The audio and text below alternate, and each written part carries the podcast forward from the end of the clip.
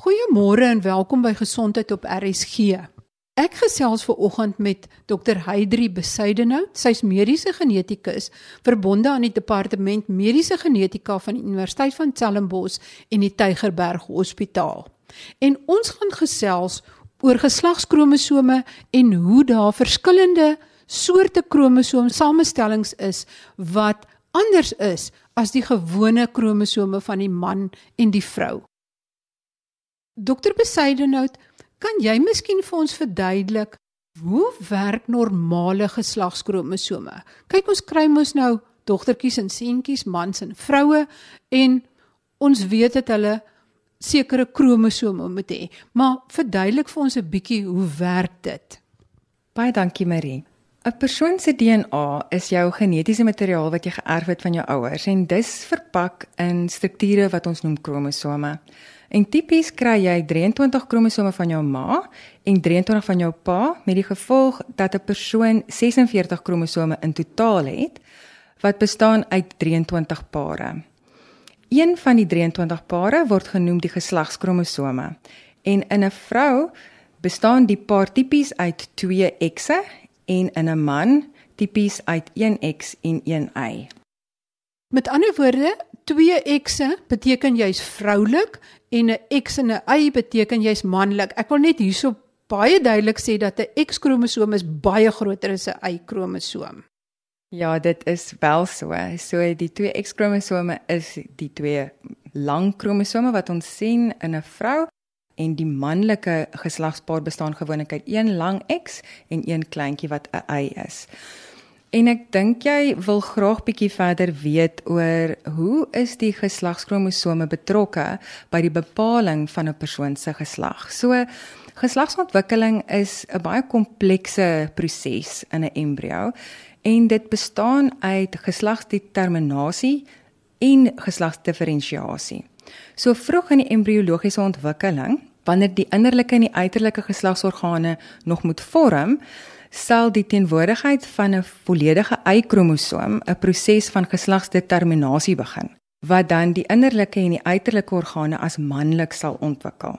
So 'n spesifieke area op die Y-kromosoom, die SRY, is 'n belangrike initieerder van 'n kaskade wat dan ander gene en hormone nodig het om die volledige geslagsdifferensiasie te voltooi as manlik. So in die afwesigheid van 'n Y-kromosoom sal die geslagsdeterminasie dan nou vroulik wees.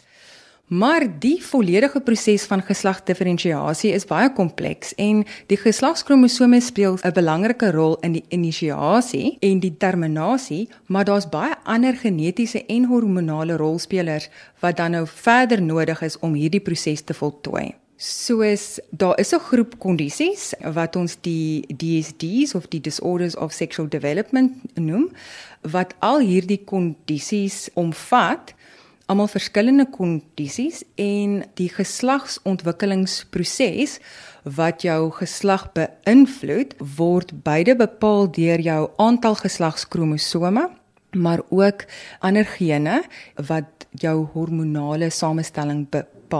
So as 'n mediese genetikus sien ons om na mense wie geslagskromosoom afwykings het. Dit kan of die aantal geslagskromosome behels of die struktuur van die geslagskromosome.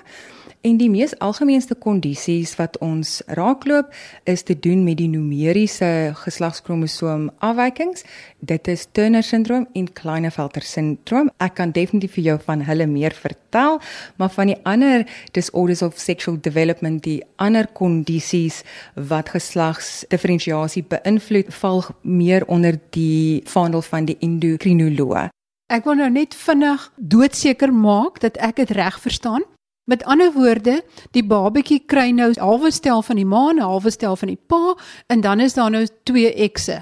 En as daar nie eie is nie, nie 'n manlike kromosoom nie, dan ontwikkel dit outomaties as 'n vroulike babatjie.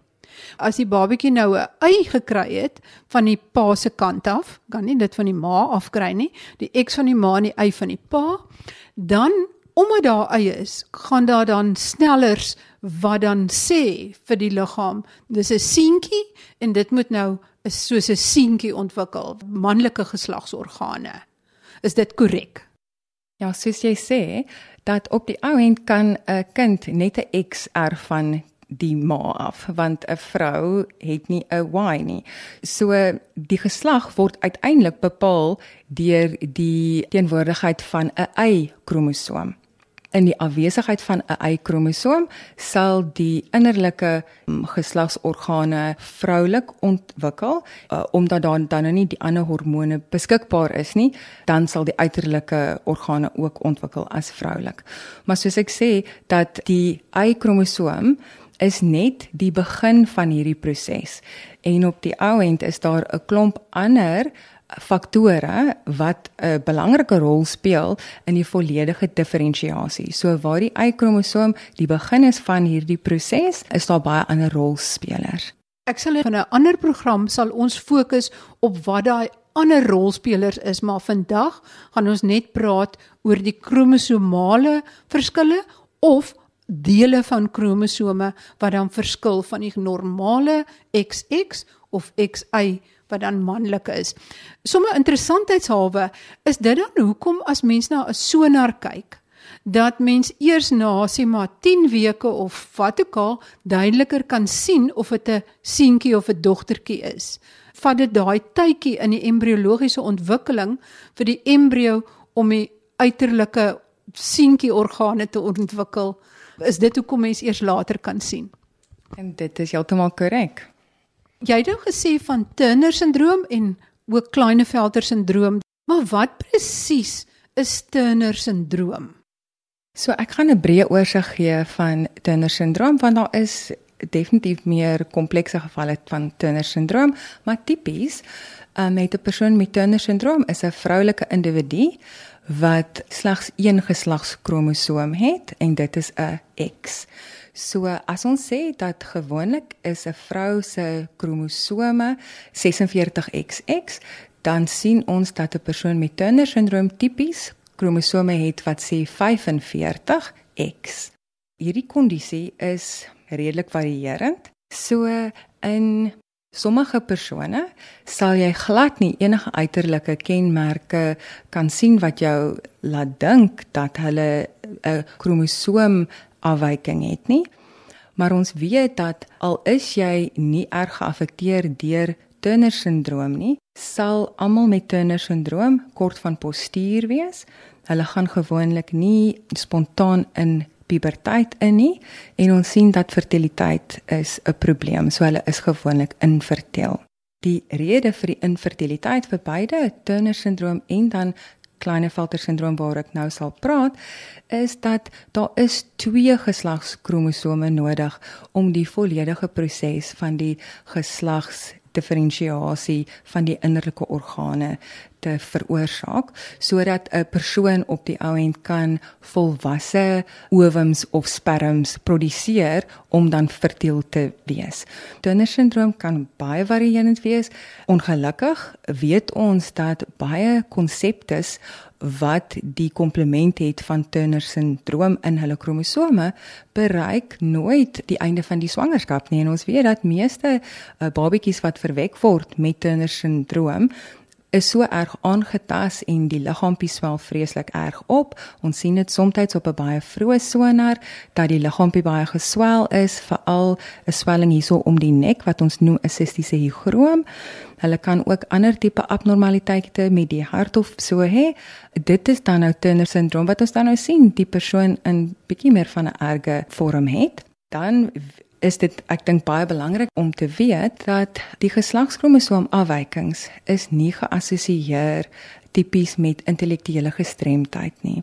Op die ou end is dit belangrik om te weet dat alhoewel jy dalk nie die normale regte aantal kromosome het nie omdat dit die geslagskromosome betrek en nie die ander 22 pare kromosome betrek nie dat dit nie jou intellek beïnvloed nie en dat die gesondheidsprobleme wat hulle moontlik het, meeste van dit is behandelbaar of uh, gesondheidsprobleme waarmee jy nog steeds volledige lewe kan lewe.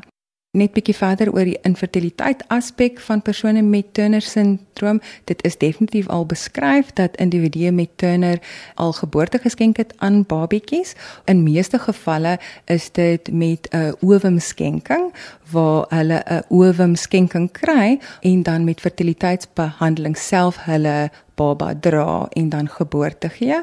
Nou natuurlik soos wat die mediese tegnologie beter word, hoop ons dat daardie aspek of ten minste 'n deel van die infertiliteit wat gepaard gaan met Turner syndroom, daarom op 'n sekere manier tog hanteerbaar is met die nodige mediese hulp basies. So met ander woorde, die ernstige gevalle eindig dikwels in 'n miskraam, maar die wat tot volle swangerskap en tot 'n geboorte lei, kan normaal eintlik groot word. En jy kan miskien in 'n skare verby iemand loop wat soos 'n vrou lyk en 'n vrou is en nie eens besef dat sy dalk net een X-kromosoom het nie en sy ontwikkel normale geslagsorgane behalwe sy kan nie ovuleer of ovums produseer nie. Ja, dit is korrek dit is vir ons belangrik om te weet dat 'n persoon net een geslagskromosoom het, 45X, want as hulle nie spontaan in puberteit gaan nie, kan hulle deur puberteit gehelp word deur hormonale behandeling. Dit is belangrik dat die diagnose gemaak word in 'n meisie wat wel Turner syndroom het, sodat 'n mens daardie aspek vroeg kan aanspreek. So met ander woorde, die tweede X-kromosoom is nodig om 'n sekere proses aan die gang te sit, maar as hy nie daar is nie, dan kan jy dit deur hormonale aanvullings eintlik ook aan die gang sit, hoewel hy sal nog steeds nie eierselletjies produseer nie, maar hy sal volledige puberteit bereik. Dit is wel so, ja. Mense het gepraat van Klinefelter sindroom. Is dit nog 'n term wat gereeld gebruik word en wat presies is dit? Ons verwys nog steeds na Klinefelter sindroom. Uh, sommige sal verwys na 'n 47 XXY. So individue wat 'n ekstra X-kromosoom het terwyl hulle al klaar 'n X en 'n Y kromosoom het, het hierdie kondisie Klinefelter sindroom en die kondisie het sekere gesondheidsimplikasies vir 'n persoon, maar in die meeste gevalle is dit 'n kondisie wat dalk ongemerk sal um, wees in 'n persoon en wat hulle dalk eers sal uitvind as hulle probleme het met fertiliteit wanneer hulle ouer is.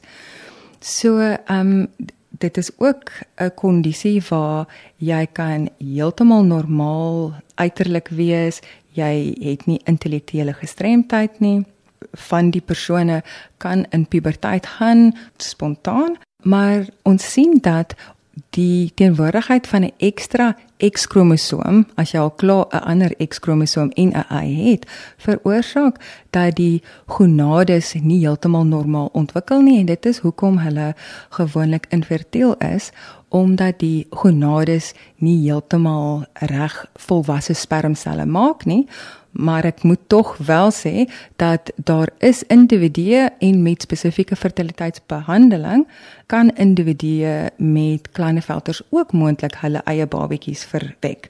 Dit is definitief 'n kondisie wat as dit opgetel word deur fertiliteitsspesialiste moet gesien word sodat 'n mens kan eh, seker maak of daar nie iets is wat jy vir die familie kan aanbied in terme van nuwe tegnologie nie.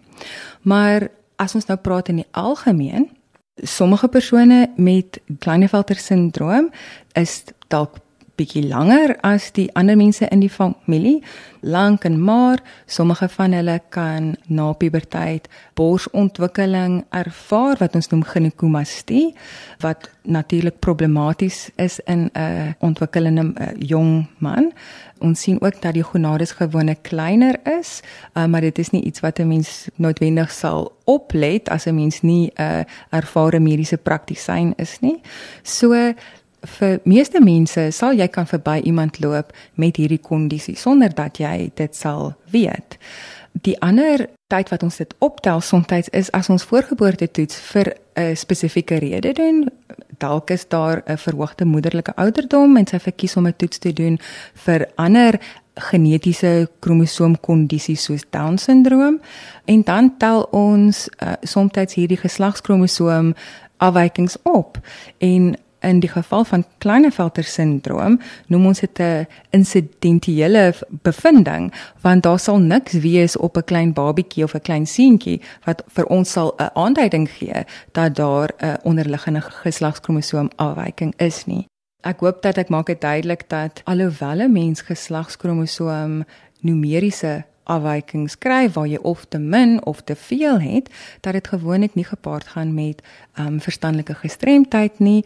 Daar is spesifieke gesondheidsprobleme waarvoor 'n mens moet monitor en die fertiliteit is definitief 'n probleem, maar die geslagskromosoom afwykings is definitief anders as die ander kromosoom afwykings wat ons gewoonlik sien en dit is ook die ander tipe gevalle wat ons in ons kliniek baie teekom want soos ek sê baie van die persone met Turner syndroom en met Klinefelter word nooit eers gediagnoseer nie. So hulle sê dat die voorkoms van Turner is een in elke 3000 babas en vir kleiner vaters het dalk iets soos een uit elke 600 een uit elke 800 wat dit nou natuurlik baie hoog maak en dit mag dalk nog hoër wees net omdat dit dalk iets is wat 'n mens nie sal weet as jy nie daarvoor toets nie. Ek wil nie doodseker maak die seentjie wat nou gebore word met XXY lyk soos 'n seentjie en omdat hy 'n y het het sy manlike geslagsorgane ontwikkel, maar omdat hy 'n ekstra X het, is dit daar effens onderdruk. Um, is dit korrek?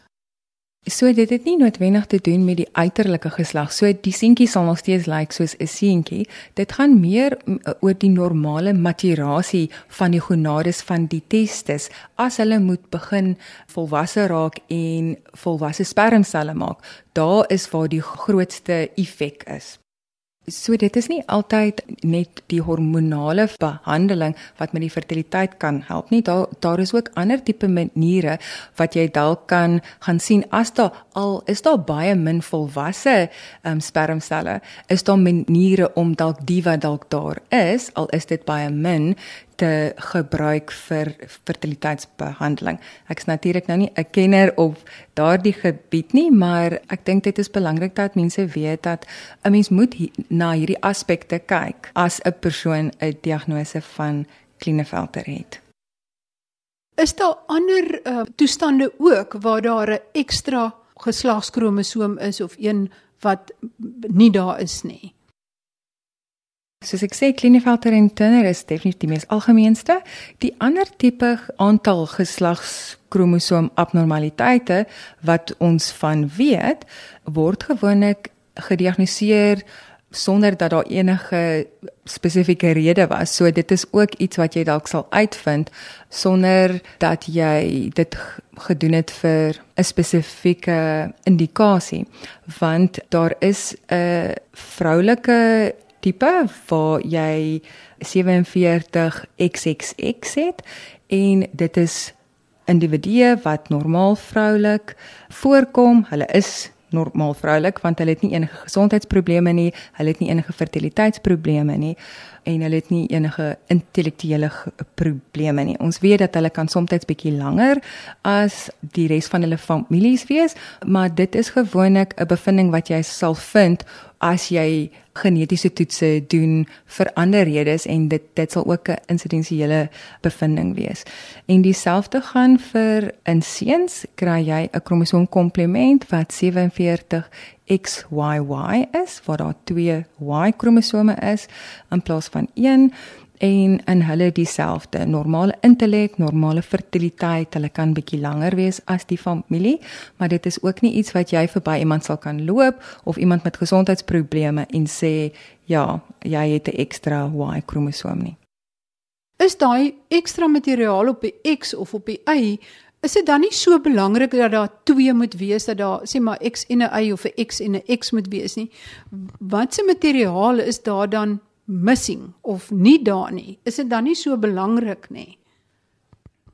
Daar's 'n komplekse proses wat ons noem X kromosoom inaktivasie wat gebeur in vroue. So alhoewel 'n vrou gewoonlik twee X kromosome het, inaktiveer ons in meeste van ons selle een X-kromosoom. En dit is nie altyd asof dat ons dieselfde een inaktiveer nie. So natuurlik daar's nog baie dinge van die genetika wat ons nog nie verstaan nie wat ons hoop ons in die toekoms sal ons bietjie meer klarigheid kry oor hoe hierdie komplekse prosesse werk.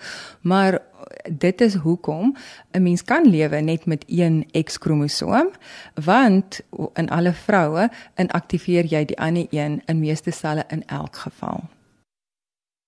En as jy nou 'n ekstra X in 'n eie maak daai addisionele materiaal nie ook 'n verskil nie? So dit blyk dat jy al jou ekstra X-kromosome na die eerste een dat jy hulle almal inaktiveer. Is daar sekere redes hoekom 'n babatjie gebore word met 'n geslagskromosoom te veel of te min en kom dit eweveel onder alle bevolkingsgroepe voor?